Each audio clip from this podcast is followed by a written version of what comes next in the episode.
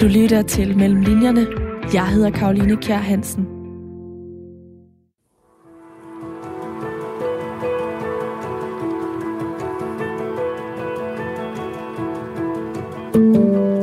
Silas er ekssoldat. I flere år der har han brugt tiden på at jagte talibanere, men nu holder han sig til at gå på jagt i den skov, der hører til familiens landsted uden for Horsens.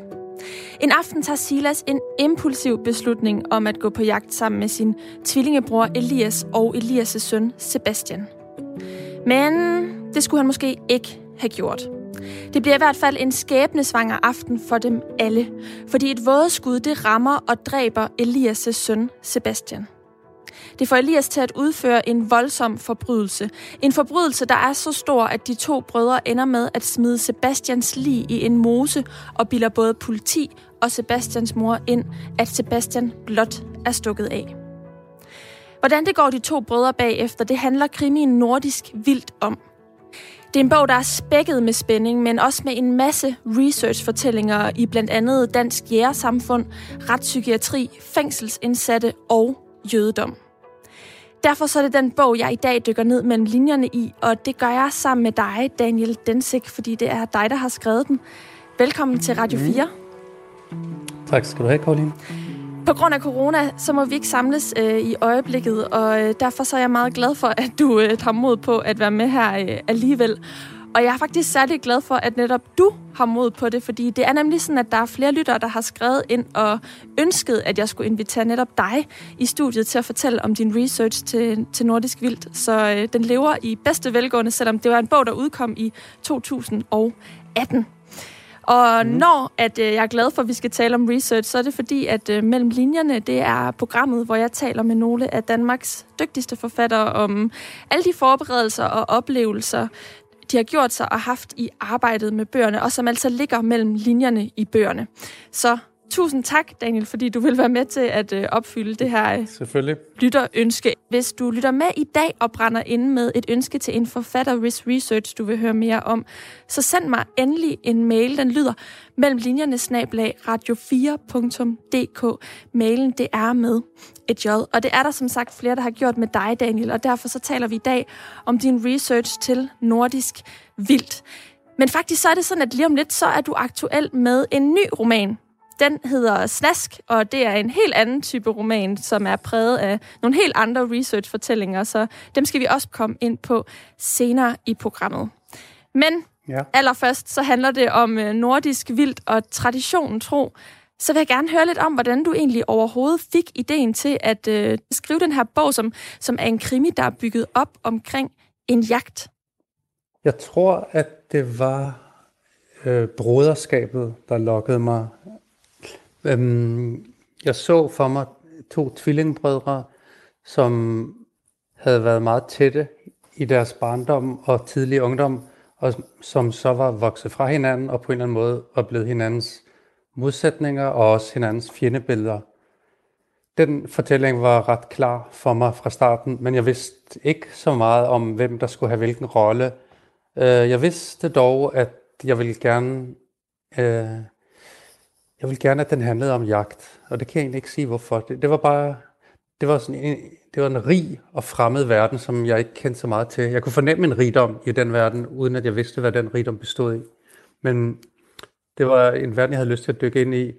Og så var der det, øh, den anden verden, kan man sige, som er jødisk mystik, Kabbalah, som jeg også havde lyst til at dykke ind i. Så der var, det var egentlig også lidt personligt, altså det var personlig nysgerrighed, der drev mig i gang.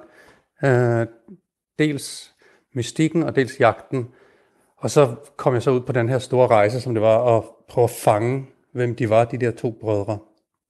Hvis vi lige prøver at dykke ned mm. i dem som uh, karakter, så kan man sige, at den ene, mm. det er Silas, som, uh, som er hovedpersonen. Han er en jødisk ekssoldat, og uh, han har altså et kompliceret forhold til sin meget belæste og belærende tvillingebror uh, Elias. Han har giftet sig med Sara, som er en kvinde, begge brødre faktisk uh, var forelsket i. Og det her par, altså ja. Elias og Sara, de har så teenage Sebastian, som faktisk ser op til Silas, sin uh, lidt ensomme mm. og, og seje øhm, onkel. Silas, han er sådan lidt mærkeligt. Det her med, at han går, øh, går på jagt, det handler også om, at han rigtig gerne vil, vil sådan udrydde invasive arter, øhm, og ligesom mm. sikre, at den nordiske race, den ikke bliver udvandet. Og han kæmper altså med nogle, nogle problemer, både indvendigt og, og udvendigt. Hvad var det, der gjorde, at han blev hovedpersonen? Altså i og med, at den ene er jødisk mystiker og også ortodox jøde, så blev jeg nødt til at skrive det fra den andens perspektiv, kunne jeg fornemme ret hurtigt, fordi jeg kan ikke, øh, trods alt, kan jeg ikke fortælle, hvordan det er at være en ortodox jøde, for det ved jeg for lidt om. Øhm, så, men derimod kunne jeg godt sætte mig ind i Silas øh, fortid som soldat, og som øh, enspænder og skovboer. Det havde jeg lettere ved at, at, at se mig selv som, eller se en fortæller som. Så jeg har ligesom, jeg valgte, at den, historien blev fortalt fra Silas' perspektiv, af den simple grund, at det var det, jeg kunne. Jeg kunne ikke fortælle den fra Elias perspektiv, for det var for fremmed for mig. Elias, han er øh, ortodox jøde, som du siger, og kvantefysiker. Mm. Men hvad var det, der gjorde, ja. at du bedre kunne se dig i Silas? Det var nok først og fremmest hans øh, enspænder natur, tror jeg. Um, han, er ikke, han er ikke sådan en social begævelse, ligesom Elias er. Uh, han har gået med sine egne tanker meget længe, og de er blevet sådan lidt indgroet, kan man sige. Det er også derfor, han har den her idé om, at han skal udrydde invasive arter, altså sådan en slags raselærer, han prøver at applicere på den danske natur. Som er et, lidt et håbløst og også et lidt åndssvagt projekt. Øh, men det er ligesom det, der driver ham, efter han er kommet hjem fra alle sine krige ude i verden. Jeg ved ikke, hvorfor jeg havde lettere ved at, at, identificere mig med ham. Det havde jeg bare. Altså, han blev tydelig for mig. Jeg så den her mand, øh, den langhårede huleboer nærmest, som jeg følte øh, rummede sider af mig, som jeg gerne ville hive frem egentlig. Altså, øhm, og Elias, altså, han er, som du siger, også belærende. Så hvis han skulle være jeg-fortæller, ville han jo også være belærende over for læseren, og det kan man ligesom måske ikke holde ud. Derfor blev jeg nødt til at holde ham lidt mere ud i strakt arm og, og se ham udefra, øh, for at gøre ham tålelig, kan man sige. Vi har aftalt, at du skal læse en lille passage højt her i begyndelsen, øh, som beskriver, hvordan Silas er. Fordi han er som sagt den, der bærer fortællingen frem, og han er altså... Øh, lidt af en særling, og det præger også fortællingen. Så jeg synes, det er vigtigt, at lytterne mm. lige får en fornemmelse af, hvem vi egentlig har med at gøre som, øh, som hovedperson i den her fortælling Nordisk mm. Vildt. Ja, og det jeg vil læse det afsnit, så der tænker han ligesom tilbage øh, på de øh, år, han har tilbragt. Dels ude i felten, men han har også været på overlov. Altså, han var en missionsbums, så han blev sendt ud på missioner rundt omkring i verden. Blandt andet var han i krig mod Taliban, som du sagde. Men så havde han jo også lange passager, hvor han bare havde fri. Og det er så på de passager, han tænker tilbage, hvor, som han ofte tilbragte i Asien. Jeg læser. Der var en blid barmhjertighed over min ensomme tilværelse – en glæde over den nye morgen, det samme måltid, den gamle sol, den blå himmel, den vidåbne dag. Mine dage var små triumfer over at kunne passe mig selv. Fryd for verden, som gik glip af mig. Og samtidig stod lyset ind over de nordlaotiske bakker med en malerisk glød. Så fandtes der ikke det landskab i verden, man heller ville forsvinde i. De rullende bakker nord for Pakbeng sitrende tropeaftener, hvor hele verden lå yndig som på et maleri af Paul Gauguin. Vejen løb mellem bakkerne, lyset sænkede sig dybt og gyldent over højlandet. Vejen gennem ilden. Jeg husker årloven, jeg sløsede bort i det støvede, gyldne, fjerne Phnom Penh. Mudret og fed under min balkon løb den gamle flod med kong. Jeg trådte uden for en hoteldør en morgen og mærkede varm luft ame over håret i bløde strøg. Jeg har værdsat den tomme, tørre lyd. Den gyldne lyd af ingenting. Nogen ville være med. Det skete under tiden. Jeg lod et par enkelte komme og gå. På den måde foregik der en udskiftning, selvom jeg ikke ændrede ved, hvem jeg var. Jeg forblev den samme, mens min omgangskreds altid var ny. Jeg tilgav dem, at de kom. Jeg tilgav dem, at de gik. Jeg nød det særlige sammenhold, der opstår hos dem, der ikke kan tale med hinanden. Jeg husker de mærkelige blokader, som man i realiteten kun kan bryde med kærtegn. Når jeg blev alene igen, fik jeg mig selv tilbage. Jeg vidste aldrig, hvad der ville ske. De sygeste ting. Jeg kunne være et chok for mig selv. Nogle prøvede at kurere mig, andre ville bare snuse lidt, mærke jublen i mig. Men prøv at være mig, hele tiden. Forestil dig altid at være på vej mod et sted, du ikke aner, hvor ligger. Sandblæste fuger i dit fjes. Forestil dig byer, som er forladte alle sammen. Forestil dig ild over oliefelterne. Forestil dig senge i et mørkerødt lys. Forestil dig at drage afsted, inden hun vågner. Som en fortælling, ingen fik fortalt. Jeg var god til at fejre det, huske det, men mig selv om, hvor heldig jeg var. Ingen gør sig begreb om, hvor godt det har været. Der sker noget i byer, man vil forlade senere samme dag. Man udstråler, at man snart er fortid. Alle vil hænge ud og lave noget snavs med den, der alligevel tager alle hemmeligheder med sig videre. Det ærlige møde mellem to mennesker, uden fortid, uden fremtid, kun nutid, som brænder sit lys i begge ender. Efterlade alt i flammer. Det har været det vildeste liv. Min eneste pligt var at leve det. Tak, Daniel. Meget poetisk er det ord, jeg vil bruge, på trods af, at vi taler om en øh, krimi. Det er også sådan, at øh, du er jo debuteret som digter i øh, 1998. Jeg vil lige understrege, at det poetiske udtryk, som jeg i hvert fald fornemmer i passagen her, er jeg ikke den eneste, der fornemmer. Det er noget af det, der er gået igen i øh, læsninger af bogen. Og, øh, og som sagt, så er du altså også debuteret som digter i 98. Du er også uddannet klipper fra den danske filmskole og har instrueret blandt andet Guldkysten, som udkom i 2015. Og hvis vi ser på mhm. sådan dit forfatterskab helt øh, overordnet set, så øh, er din første roman en selvbiografisk roman. Den hedder Anden person, ental, og den handler om øh, de falske anklager øh, om vold og overgreb mod dine tvillinger i Sverige, som øh, du oplevede. Det var din øh, ekskone, som bor med børnene, og på grund af den her anklage har du så fået frataget retten til at se dem. Øhm, og det vil altså sige, at du er gået fra at, at skrive digte til at skrive noget selvbiografisk, og nu har vi så med en krimi at gøre, nordisk vildt. Mm. Hvordan fik du ideen til at dykke ned i krimigenren? Jeg tror, det er en roman, som har øh, ligheder med en krimi. Det var noget, jeg ikke havde prøvet, og så fik jeg lyst til det. Måske derfor.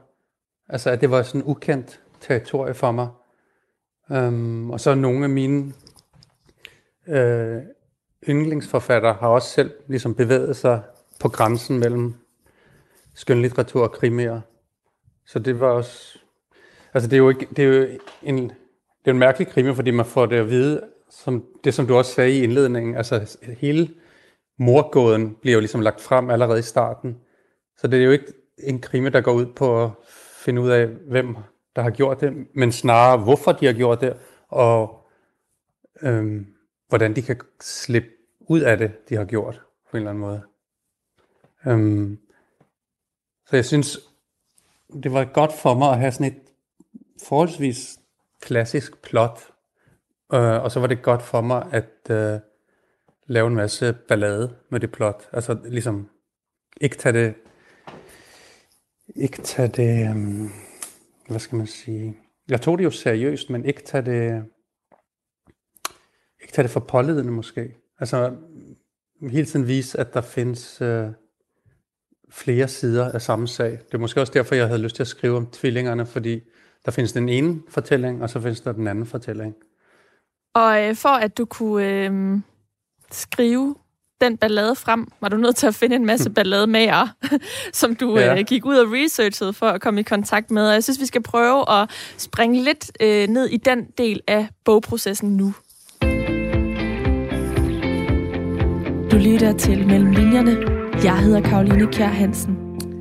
Og for de nytilkommende lyttere, så kan jeg sige, at jeg i dag taler med forfatter Daniel Densik om hans roman Nordisk Vild, der udkom i 2018.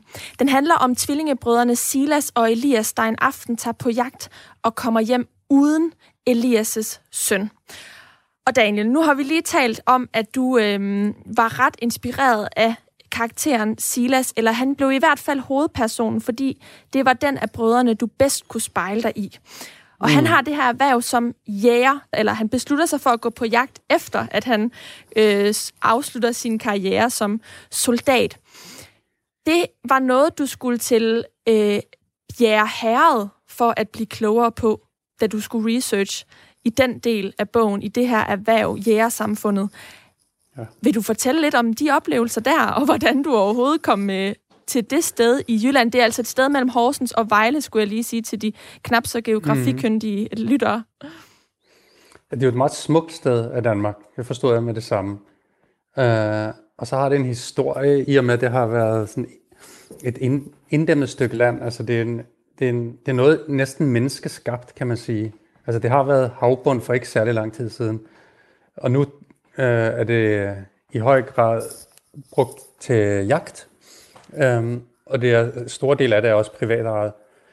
Øhm, ja, jeg blev inviteret derover, som man nu gør, når man ikke selv ejer en jagt. Så måtte jeg ligesom blive inviteret, og så fik jeg lov til at gå med, og jeg har ikke noget jagttegn, så jeg kunne af gode grunde ikke skyde noget, men jeg var meget, bare med for at se og lære og høre.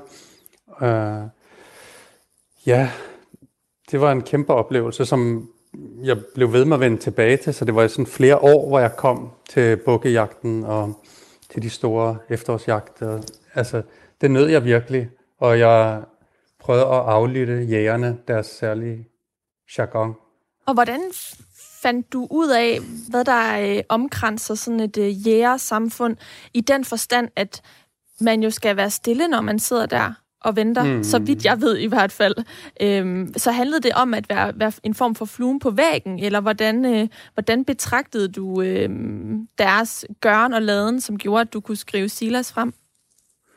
Ja, i høj grad altså, er man stille, men man kan godt, man visker jo også lidt frem og tilbage, og jeg sad og tog noter, øh, og havde nogle meget behjælpelige jæger, der var villige til at forklare mig, hvordan de tænkte, og hvordan de talte med hinanden. Øh, selvom der er også en, der er en, der er helt klart sådan en form for eksklusivitet omkring det, at det ikke er for hvem som helst, så man skal ligesom også lidt gøre sig fortjent til at blive indvidet i den verden.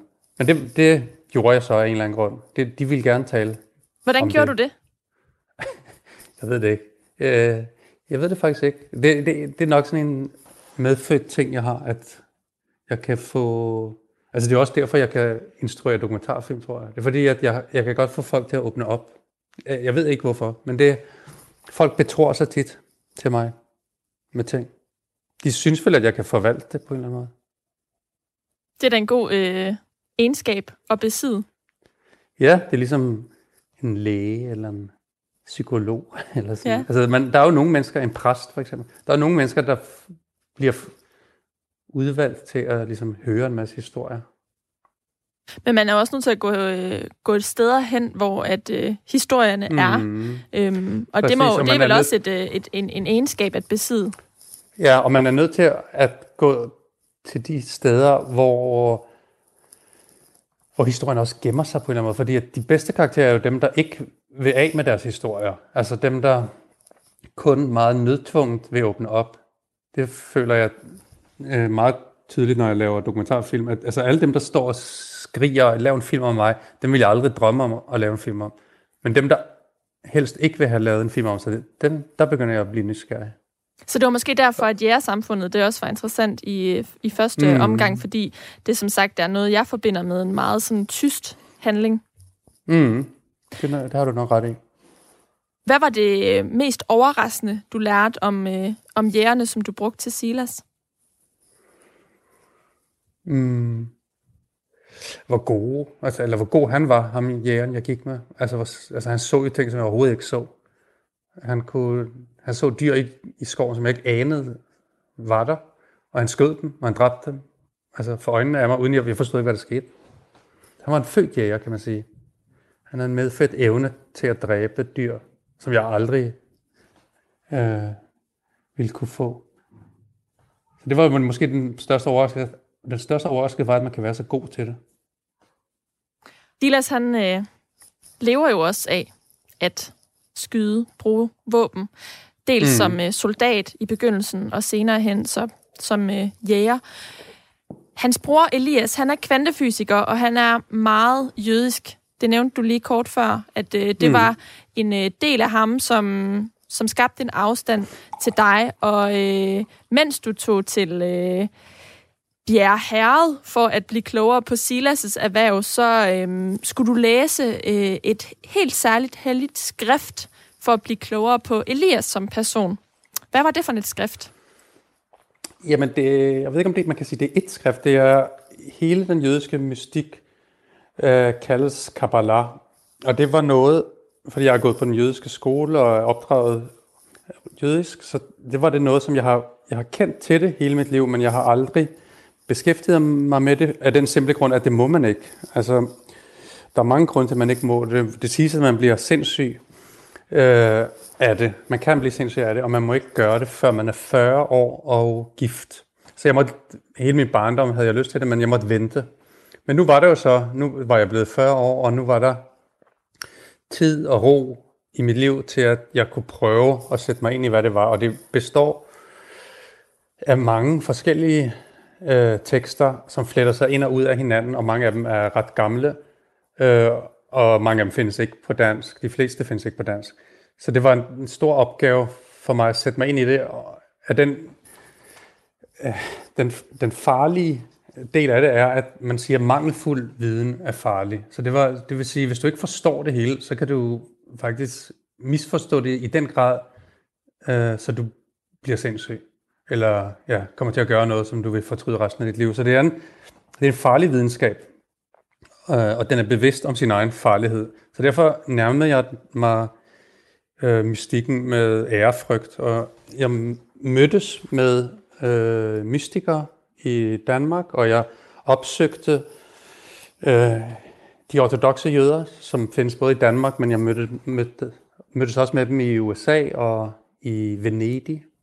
Øh, og så prøvede jeg at flette en karakter sammen ud fra de møder, og jeg prøvede at forstå Kabbalah, og jeg forstod det, vil jeg nok sige, i, i glemt. Altså, det er, sådan, det er så stort og så svært, og det minder så meget om kvantefysik, så du kan ikke forstå det, men du kan i små øjeblik kan du blive grebet af en uh, indsigt i, hvordan verden hænger sammen, som er væk i, i løbet af et lille øjeblik, så er det væk igen, men i, et små øjeblik kan du faktisk fornemme, hvordan hele verden er skruet sammen, og så taber du det igen. Og så hvis du er heldig, kan du nærme dig det igen. Um, så det var en, en meget svær øvelse, som jeg i korte, korte momenter mestrede.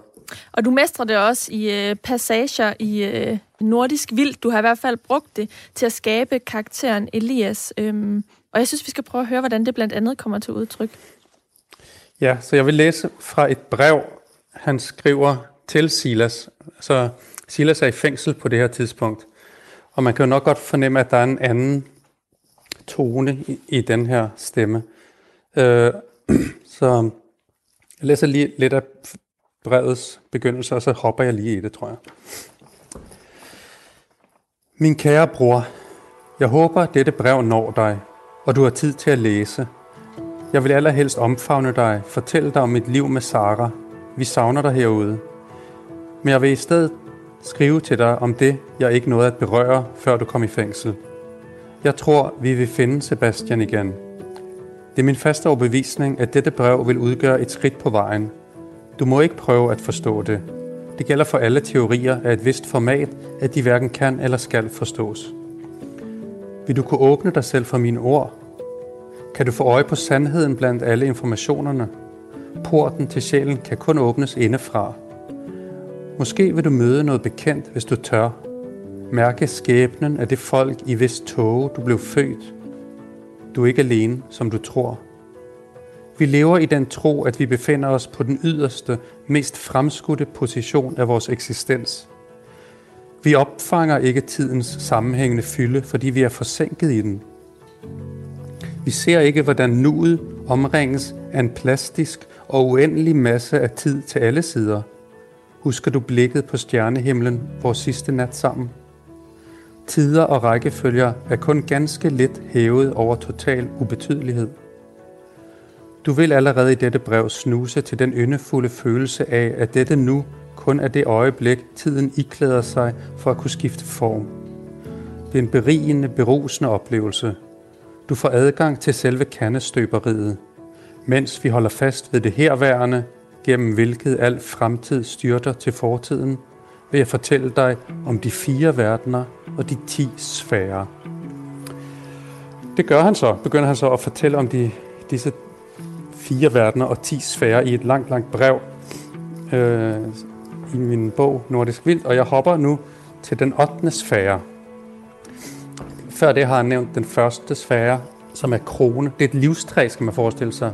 Man skal forestille sig et træ, som udgør hele livet, og hvordan livet fungerer. Og øverst er kronen, så kommer den anden sfære, som er visdom, den tredje sfære er forståelse, den fjerde er noget, den femte er strenghed, den sjette er skønhed, den syvende er sejr. Og jeg læser. Den ottende sfære er ære. Her hæver du dig fra mig, min elskede ven og broder til alle tider. Vi er ens, men jeg er mig ved ikke at være dig. Den menneskelige psyke opfatter og analyserer ved at sammenligne. Du bestemmer ting ud fra det, de ikke er. Ære er en ordnende sfære. Her hører abstraktionsevnen til. Det er strengteoriens spaltning i strenge. Ære katalogiserer sejrens skinnende lys. Ære løfter sejren, som ellers har et iboende fald.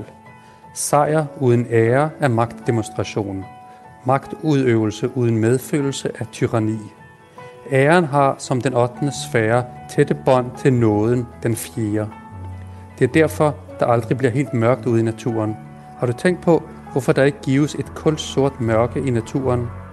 Selv når der ingen måne eller stjerner er, selvom du ikke kan se lys fra byer eller trafik, vil der stadig være et ganske svagt lysskær.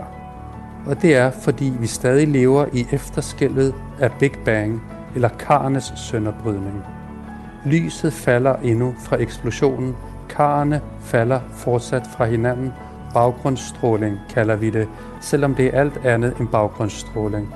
Det er det første, inderste lys, der endnu brænder herude i vores galakse, som et fjernt ekko, en sidste glød af den første ild. Ære være hans minde, siger vi, når vi ikke længere har vedkommende omkring os.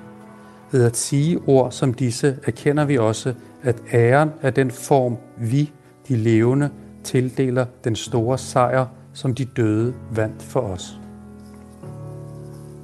Tak skal du have, Daniel Densik. Det lyder som en blanding af noget religiøst og konspirationsteoretisk og øh, altså sådan øh, mystisk, som det jo også er. Hvordan var det at have fingrene i det stof, mens du researchede til Nordisk Vildt? Mm. Det var ensomt, og det var også smukt, og, og det var også sørgeligt, fordi jeg følte også, det var noget, jeg ikke rigtig kunne dele med nogen. Og selv ikke engang nu kan jeg rigtig dele det, føler jeg. Altså, jeg gør mit bedste i, i bogen, men det er næsten umuligt, vil jeg sige, at dele den øh, følelse af sådan samhørighed og indsigt, som man pludselig kan opnå, når man læser lange tekster, som man ikke rigtig forstår. Men man for, man for, det er ikke vigtigt, at man forstår dem eller ikke. De kommer alligevel ind under huden på en, og de sætter sig i en som noget andet end forståelse. Og det er det, tror jeg, Kabbalah handler om. Og det er måske også det, Nordisk Vildt handler om. Det er at give sig hen til noget, som man ikke kan forstå. Og er nogen, der i hvert fald kom øh, under huden på dig, eller som du øh, lå indtage dig, øh, er Silas, altså Elias' bror. Elias er den ortodoxe jøde, og, og Silas er, har også jødisk baggrund, fordi de er tvillinger, men Silas er mm. hovedpersonen i øh, Nordisk Vildt. Og øh, grunden til, at du øh, lå ham kom under huden på dig, er fordi du, du brugte... Øh, en form for method acting, og nu har vi jo øh, talt om, at du også er øh, filminstruktør. Øh, øh, du spillede simpelthen Silas ude i virkeligheden, og det gjorde du både sammen med en retspsykiater hos politiet, hvor du var til afhøring, og i en fængselscelle. Prøv lige at fortælle lidt om den metode.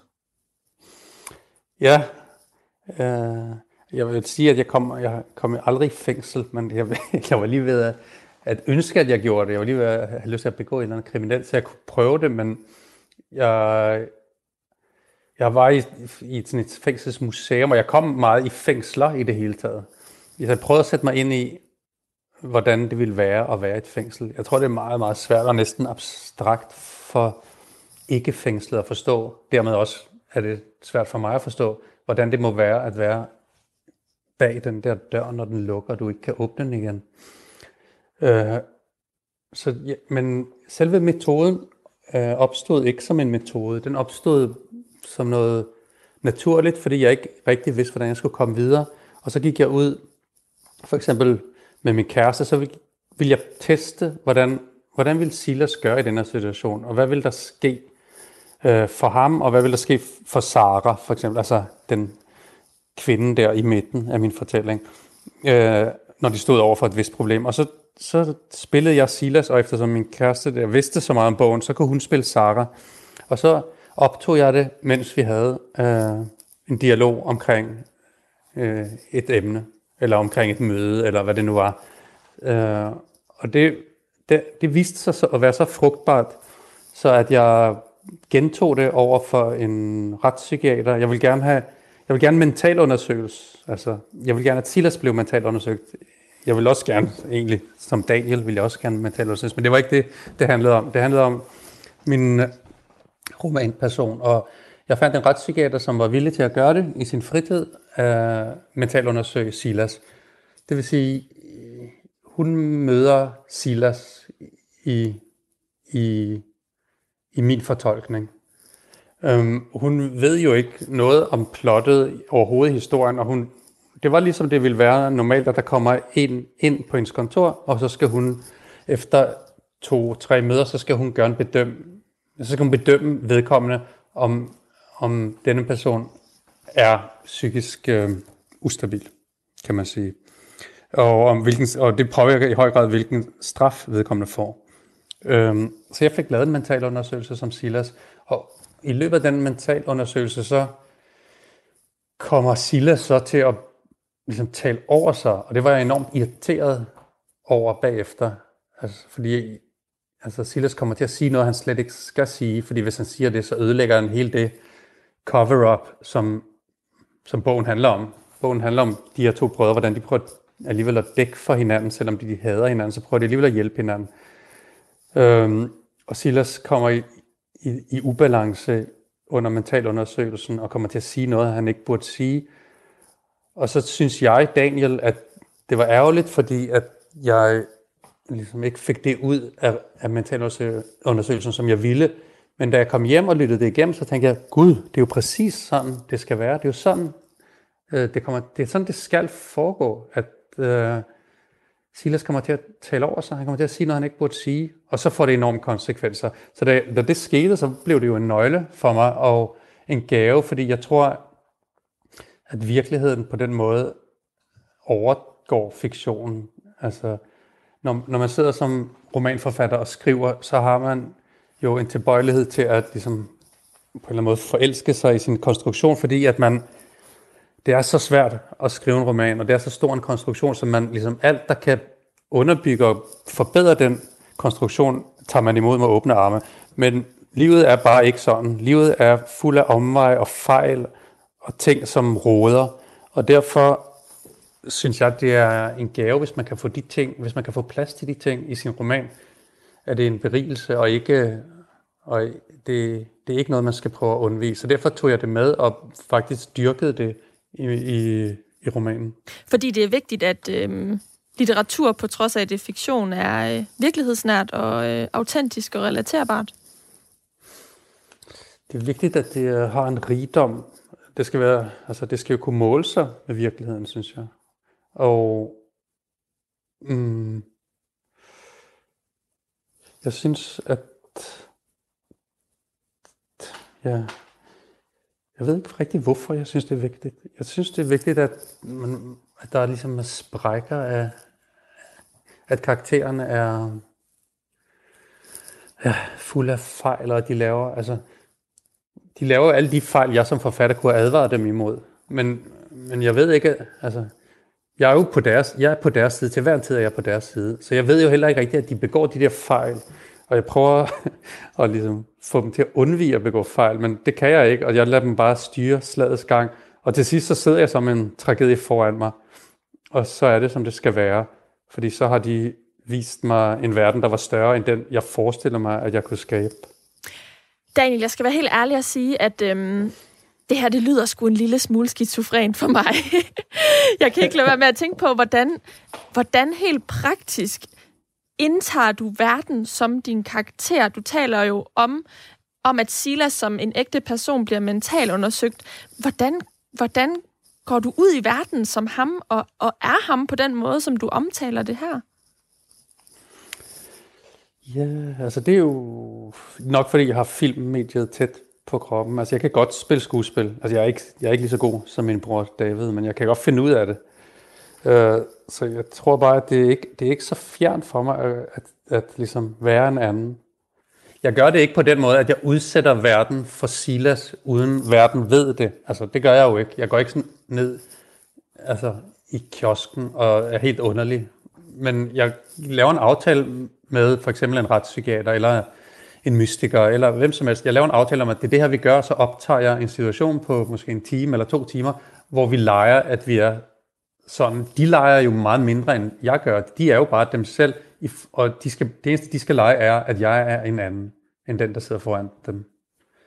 Øh, men det er på en eller anden måde en, en aftale, vi har, som jeg så kan bruge med deres velsignelse. Øhm, det her med at indtage verden som Silas, det gjorde du jo, som du nævner konkret selv her med en ret, retspsykiater. Du gjorde det også øh, sammen med øh, politiet. Hvordan mm. reagerede folk, da du henvendte dig til dem og sagde, øh, vil du mentalt undersøge mig eller afhøre mig som en fiktiv person? I din fritid, vel at mærke. Uh, ja, det, kom, det er jo ikke sådan, det er ikke sådan, jeg henvender mig, vil jeg sige. jeg, det, jeg går lidt mere sådan, øh, forsigtigt til det. Jeg, jeg beder om et møde, fordi jeg er gang med at skrive en roman, og der er noget, jeg gerne vil vide. Og så under det møde, så kan der jo opstå sådan en, en, et ønske hos mig om, at vi kan mødes igen, og så kan vi gøre det på den her måde. Så det, altså når jeg mødes med politiet, er det jo i første omgang kun for at vide, hvordan en drabs efterforskning foregår rent teknisk. Og det er politiet for så vidt åbne om. Så, og så var der en af dem, der havde lyst til at mødes igen, og som jeg har mødtes med måske 10 gange, fordi at vi begge to synes det var sjovt. Så har vi Øh, spist frokost, og så har jeg, så, med ham sad jeg mange gange og lavede lige præcis det, vi har talt om, at jeg spillede Silas, og han spillede efterforsker. Øh, og så kunne vi stoppe båndet, og han kunne forklare mig, om det var virkelig godt det der, at du sagde det, eller det var, sådan der ville jeg ikke have gjort det, eller der ville jeg gå ud og hente kaffe. Og, altså, de her små, små ting, som gør en fortælling troværdig, og ja, fordi det er også, apropos dit spørgsmål for nylig der, med, hvorfor det er vigtigt for mig. Det er jo nok vigtigt med en troværdighed, faktisk. Altså, at det ikke er noget, jeg har som romanforfatter siddet og strikket sammen og haft det sjovt med. Altså, det skal på en eller anden måde være ude og berøre den virkelige verden, og det skal også gøre ondt på den måde, som, ja, som det gør, når, når mennesker mødes og misforståelser opstår. Altså, jeg synes jo i princippet, det kommer vi måske også til, men jeg synes i princippet, det er jo også lidt en erklæring, at man skal gå på research, fordi det er jo, fordi man ikke skriver om det allervigtigste. Altså, hvis man ligesom skubber det hen på et eller andet emne, man ikke ved så meget om, så er det, så er det sådan lidt en let løsning, synes jeg, i stedet for at skrive om det, der gør allermest ondt. Um, så jeg Hvorfor prøvede, valgte du så alligevel at research til Nordisk Vildt? Ja, fordi jeg ikke vidste nok om det, kan man sige. Øhm. Men kunne du så ikke have sagt, Daniel, øh, den her historie, den, jeg ved ikke nok om de her emner, øh, den, den øh, kaster jeg ned i skuffen og lader den blive der til evig tid. Altså, hvad, hvad gjorde ligesom, at du kastede dig ud i projektet på trods, og at, at du lod mm. historien presse sig på? Det var en nødvendighed, tror jeg. Det, det tror jeg måske mange forfattere føler. Altså, man har jo tusindvis af idéer, og jeg tror, at de gode forfattere er dem, der forstår, hvilke idéer kan blive til noget. I, i, og jo tidligere man forstår det, jo bedre, kan man sige. Så jeg har jo, altså jeg har skrottet mange idéer i mit liv, øh, og så er jeg nu, nu er jeg et, sådan et sted, hvor jeg godt kan se det ret tidligt, om der er noget, og jeg havde skrevet de første 20 sider af Nordisk Vildt for flere år siden, og så da jeg læste dem, da jeg tog op og læste dem, så kunne jeg se, okay, der er virkelig noget på færre i den her tekst. Øh, det kan godt blive til noget. Det kan godt være hele den dynamik og dynamit, ikke mindst, som er i et broderskab. Så derfor kunne jeg ikke, jeg, jeg havde ligesom ikke valget at skrotte det. det var ligesom, jeg tænkte, at det her er for godt. Det må, det må verden ikke gå glip af. Jeg ved godt, det lyder selvhøjtidligt, men sådan tænkte jeg. Jeg tænker ikke, det lyder selvhøjtidligt. Det er bare spændende at høre om, hvordan idéer øh, udformer sig, og hvad der gør, at man måske øhm, handler øh, på en måde, som man godt ved ikke nødvendigvis er den mest hensigtsmæssige eller ønskværdige mm. måde. Men man kan sige, at det var jo så lidt heldigt, at den seneste idé, der pressede sig på hos dig, den involverede ikke i så høj grad research. Du er nemlig aktuel lige om lidt med bogen Snask, og den er præget af, det er for det første en helt anden type bog, men den er også præget af nogle andre research-fortællinger, øh, eller manglen herpå. Så jeg synes lige, mm. vi skal nå at vende den. Lytter til Mellem Linjerne. Jeg hedder Karoline Kjær Hansen. Og det gør du her på Radio 4, hvor jeg i dag taler med forfatteren bag romanen Nordisk Vildt, og det er dig, Daniel Densig. Og lige om lidt, så er du også aktuel med Snask. Som jeg sagde lige før, så er det en helt anden roman end Nordisk Vildt. Hvordan vil du selv beskrive den her øh, roman? Mm, det er en kærlighedshistorie, synes jeg, øh, som rejser hele, hele verden rundt. Øh, det er en bog om, en, om to filminstruktører. Den ene er en ung kvinde på 19 år, som hedder Alicia, og den anden er en mand i 40'erne, som hedder Trevor. Og de mødes på filmskolen i Danmark, men snart har Hollywood mm, hævet i Alicia i den grad, så hun bliver nødt til at rykke til Hollywood, og så følger Trevor efter som det tynde øl. Og så udspiller den sig i Los Angeles, først i København og så i Los Angeles, og så ender den øh, på Samoa ude i Stillehavet på en sydhavsø. Hvor du også har skrevet den? Ja. Sidste år, og den tog meget kortere tid end øh, Nordisk ja. Vildt. Nordisk Vildt brugte du jo fire år på at skrive. Ja, ja, noget i den stil. Ja, og Snask skrev jeg på et par måneder. Øh, Ja, så det var helt anderledes. Altså Nordisk Vild var jo, kan man sige, en større bedrift, men jeg tror måske Snask... Mm, på, på en del områder er det nok en mere vellykket bog. Øh, men det vil jeg nu lade læserne om at bedømme. Jeg synes, at den er... Man kan sige, ind, indtil Snask havde, var, mit forfatterskab var sådan lidt som at spille på akustisk guitar, synes jeg. At det var ligesom... Det blev sådan mere og mere forfinet og måske også en lille smule svært tilgængeligt. Men så når snask kom, så kom der elektricitet til gitaren, og så blev det en elgitar, og så lige pludselig har man en forstærker, og så kan man nå enormt langt ud, og man kan lave nogle ting, som er mere frække og mere våget, og man kan nå, måske også nå en bredere læserskare, og nå, nå en yngre læserskare, tror jeg også. Det er i hvert fald en, øh, ny genre, du har kastet dig ud i. Ligesom med nordisk vildt, så øh, mm. træk noget, det det fremmede, det ukendte i dig. Og, og, det, og som jeg siger, så, så en stor del af den foregår på øh, Samoa, og øh, det var også der, hvor du sad, da, den, da du skrev romanen. På blot to-tre måneder har du fortalt. Øhm, mm. Men du, du har ikke researchet i samme grad til den her øh, roman, som du gjorde til Nordisk Vildt, fordi den holder sig inden for filmbranchen, som du selv øh, er en del af, og, og lokationerne har også øh, paralleller på den måde. Øhm, hvad, hvad for en dynamik har du ligesom så skrevet på? Altså, hvordan har du øh, fået ideen til stoffet og, og ordene på papiret? Øh, ja, det er sjovt, fordi at, øh, da vi talte sammen første gang, så skulle, sagde du, at det skulle handle om research, og så sagde jeg, så kan vi slet ikke snakke om, om SNAS, for jeg har slet ikke researchet den. Men så er det jo så, hvad, hvordan definerer man ordet research? Uh, fordi det er klart, det, det er baseret på, på levet liv, selvfølgelig er det det. Og så er, så er det jo baseret på min, min fantasi. Så hvis det er en del af research, så, er, så har jeg researchet hele mit liv, så har jeg researchet i 48 år for at skrive den her bog. Um, men jeg havde lyst til at skrive noget, der, der var tættere på mig, og som også var sjovt. Altså, det var en af mine venner, der sagde det, at jeg altid, hvorfor mine bøger skulle være så alvorlige, når jeg selv tit var sjov, sagde han.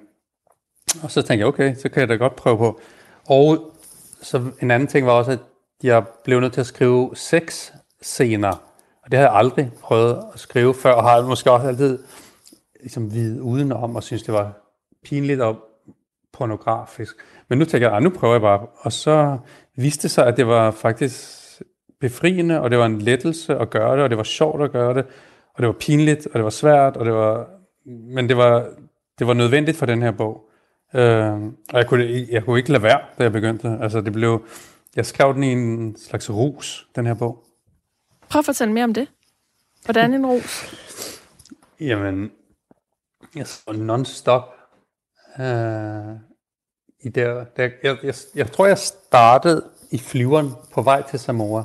Og det er så sidste år, så fløj vi der til, øh, lige før det her med corona skete. Så, og så øh, skrev jeg i flyveren, og så kunne jeg simpelthen ikke stoppe, og så flyttede vi ud på en strand, hvor jeg har været meget i min ungdom.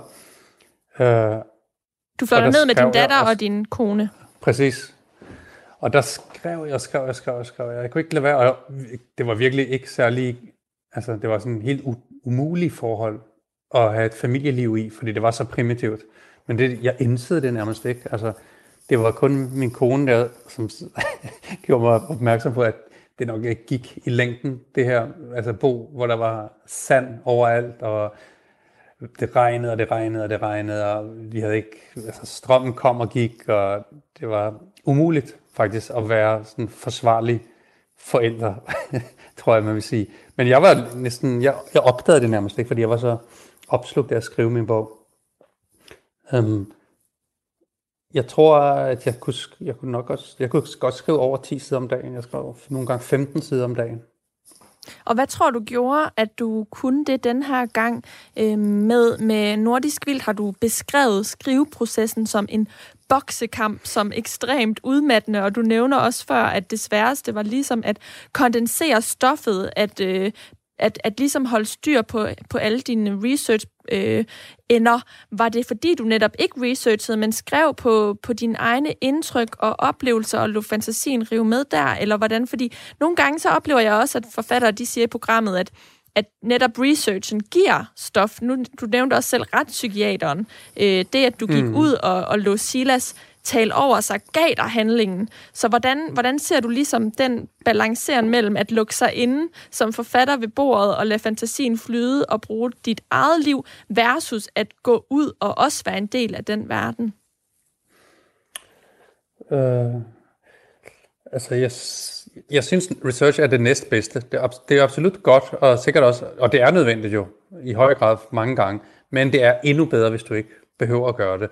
Altså, jeg, jeg lavede sådan en aftale om, at nu skriver jeg bare det her, og så eventuelt må jeg få det fakta-tjekket, når jeg kommer hjem. Men jeg skriver om Hollywood, som jeg har oplevet Hollywood. Øh, og så kan der godt være, at der er nogen, der synes, der er nogle fejl i det, men det er jo det er min måde at opleve Hollywood. Plus, at romanen foregår jo altså post-corona. Den foregår om nogle år, så jeg kan jo også bare, altså, så har jeg jo helt, så har jeg jo den, ligesom, det, så har jeg det forsvar, så kan jeg sige, at ja, men det kan godt være, det ser sådan ud i 2023, som jeg skitserer. Skal vi ikke lige okay. prøve at, øh, at høre lidt fra øh, netop øh, Hollywood øh, i bogen? Mm. Så kan vi lige jo. tale lidt mere om den bagefter. Jo. Så Alicia har en datter, der hedder Miley, og hun er lige gået af nettet. Øh, det vil sige, hun vil ikke, hun har skrevet sådan et afskedsbrev på Instagram. Insta- Instagram har ellers været sådan meget vigtigt for hende, men nu har hun skrevet et afskedsbrev. Og det er morgen efter afskedsbrevet. Og hendes, de, de flyttede på et motel. Trevor spændte Miley fast i bæreselen på sin mave, mens Alicia snørrede fodtøjet. Du dør med støvlerne på, sagde han. Uden telefoner gik de ud på gaden. Det var ikke rigtigt til at finde vej, men nu vidste de heller ikke, hvor de skulle hen. Så de gik bare mod solen, så Miley slap for at få den i øjnene. De holdt en sydøstlig kurs i over tre timer, og de gik uden at tale sammen. Hun følte sig som en zombie, der ikke længere havde et liv at leve, men alligevel fortsatte med at gøre det. Og det var præcis den samme tomhed, som havde fyldt hende, dengang hendes far tog billetten. Forskellen var, at der nu var et sug efter mere i tomheden. De tog Franklin Avenue, de gik af Hollywood Boulevard, de kom forbi Museum of Death, de krydsede over Hollywood Freeway, de travede igennem Thai Town og videre til Little Armenia, hvor både Trevor og Alicia kunne genkende flere af gadenavne fra Charles Bukowskis digte, noveller eller romaner, men heller ikke det talte de om. Der, hvor Hollywood Boulevard ændrer navn til Sunset Boulevard, gjorde de holdt for at drikke hver sin iskaffe. De skiftede blæ på Miley, inden de fortsatte deres på alle måder målløse ekspedition igennem Silver Lake, forbi søen og tennisbanerne i Echo Park, hele vejen ned til downtown Los Angeles og Bunker Hill, i vis forsvundne karriere Trevor vidste, at Charles Bukowskis åndelige fader, den store og misforståede John Fante, havde siddet og dagdrømt og skrevet nogle af de bedste bøger, der endnu var skrevet om livet og kærligheden, inden han solgte sin sjæl til Hollywood og spildte sit liv på at være medforfatter på en række ligegyldige film, for siden at dø i total glemsel. Men sådan er de allerstørste skæbne, tænkte Trevor. Ingen husker de største. Han havde lyst til at dele tanken med hende, men han forestillede sig, at hun måske bare havde brug for at gå i tavshed. De strejfede udkanten af Little Tokyo. Han ledte hende væk fra menneskeflokkene igennem en dunkel smøge, der husede hjemløse mænd med herreløse hunde. De skråede hen over et jernbaneterræn, hvor godsvogne og frakoblede lokomotiver holdt bortrangeret på skinnende skinner. Til sidst kom de til LA River. I en cementgrav løb et stille, brunt vand uden tegn på liv. Han tog hendes hånd. De gik i solen på den grå cementbred. I det affolkede flodleje faldt roen over hende. De vandrede under viadukter og højspændingsledninger langs med den udrettede og næsten udtørrede flod, som ikke mindede om nogen anden flod, hun nogensinde havde set. Der var ikke et øje. Hun følte, at hun var på vej ind i en fremmed verden. Hendes mand bar deres sovende barn på maven igennem det øde industrilandskab, mens de gik hånd i hånd. Hvis man gik af nettet, tænkte hun, var det til steder som disse, man kom. Trevor og Alicia, de er hovedpersonerne i Snask, som er din nye roman, der kommer på gaden lige om lidt. Jeg kan ikke helt finde ud af, hvem der er hovedpersonen. Det må være en delt førsteplads i, i min optik. Øhm, og du har lige fortalt, Daniel, at du øh, skrev den her øh, roman ud fra en trang til at skrive noget, der var tættere på dig selv. Den foregår netop i filmbranchen, som du er en del af, steder, hvor du selv har øhm, opholdt dig. Men Alicia er en kvinde. Hvordan var det at skrive en kvindelig hovedperson frem? Det var sjovt, synes jeg. Og det var, det var selvfølgelig også farligt, og især i disse tider, hvor en mand ikke må skrive som en kvinde, var det også noget, der lokkede. Øhm, ja, altså der er jo en pointe i, at den handler i høj grad om repræsentation, bogen. Den handler om, hvordan vi gerne vil ses. Hvordan, hvordan vælger vi at blive repræsenteret af for eksempel en Instagram-profil, eller hvordan vi nu gør det. På alle tænkelige planer handler den om det. Og derfor hedder den snask, fordi at det, som omverdenen synes er mest interessant, det er jo netop det, vi ikke, altså det, vi prøver at skjule, sådan som vi ikke vil fremstå. Det er det, der har den allerstørste værdi. Og derfor kan man sige, en mand må ikke skrive om en kvinde, men altså, en, en mand må gerne skrive om en mand, der skriver om en kvinde, synes jeg. Og det, altså, det, er jo, det, det kræver bare en lidt større øh, kunstnerisk begævelse at se det. At man egentlig sagtens, man, kan jo bare, man skal ligesom bare rygte øh, et led. Til, til lytterne kan jeg sige, at øh, der er et metalag i fortællingen, og øh, nu skal vi ikke spoil mere. Daniel? Den udkommer Nå. om en lille uge, når vi sender det her. Er du spændt? Ja, jeg er meget spændt, faktisk. Øh, fordi det føles jo så mærkeligt, når man lever... Altså nu har vi levet i et år med det her corona, og ingen har kontakt med nogen nærmest. Øh, men alligevel, og så føles det endnu mere voldsomt, at man så udkommer med en hel roman, altså i det her stille, tomme rum, som vi nu har omkring os. Men nu gør jeg det. Og det er jeg, og jeg er helt sikker på, at der er rigtig mange andre også, der er glade for det. Jeg vil ønske dig held og lykke med det hele, Daniel Densik, og sige tusind tak, fordi du vil være med her imellem linjerne på Radio 4 i dag. Tak skal du have. Og jeg vil også sige tusind tak til dig, der har lyttet med. Du har lyttet til Mellem Linjerne. Det er programmet, hvor jeg taler med nogle af Danmarks dygtigste forfattere om alle de forberedelser og oplevelser, der ligger før deres bøger de kunne skrives. Med andre ord, alt det research-arbejde, som de har været ude i, og som ligger mellem linjerne i deres bøger. Mit navn det er Karoline Kjær Hansen, og jeg håber, vi lyttes ved.